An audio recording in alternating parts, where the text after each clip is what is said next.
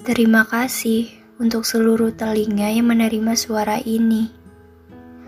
Pada episode kali ini, saya khususkan pada seseorang. Saya sapa ya. Halo Awan. Terima kasih untuk setiap waktumu menemani angkasa yang selalu ada dan terus bersama. Kata selalu yang kadang membuat angkasa yakin bahwa awan milik angkasa. Iya, saya adalah angkasa. Terkadang saya harus benar-benar menikam hati saya sendiri. Untuk apa? Untuk bisa sepaham denganmu.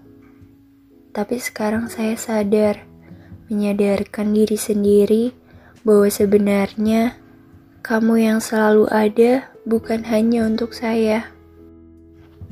Angkasa yang selalu memaksa diri untuk tetap di tempat dan tidak lagi berlarian kepada awan. Angkasa sadar hanya sebagai teman awan, kalimat hanya yang selalu saya garis bawahi. Seringkali berpikir, dengan hadirmu saja sudah lebih dari cukup. Awan, kamu sangat dekat, tapi susah untuk didekap.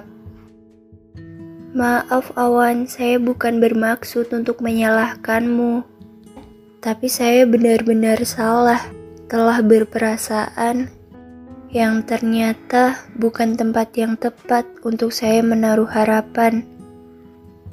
Kalau dipikir-pikir, rasanya menyenangkan sekali saat bercerita selalu didengar dan saling mendengar. Kan saya sudah bilang, awan selalu ada.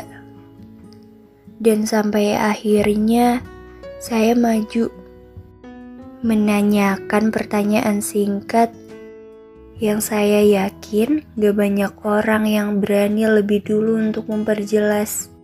Saya bertanya, sebenarnya kita ini apa? Sudah ya, sudah. Gak perlu saya terusin ke episode selanjutnya. Kalian pasti sudah paham.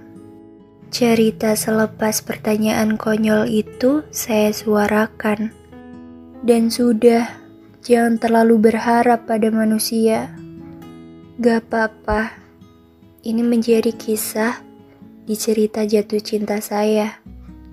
Mencintai itu perihal mengikhlaskan, mengikhlaskan banyak hal yang terus menjadi pertanyaan, mana yang lebih melalahkan, kaki yang terus mengejar atau hati yang terus berharap.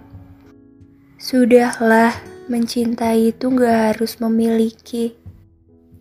Terus semangat ya.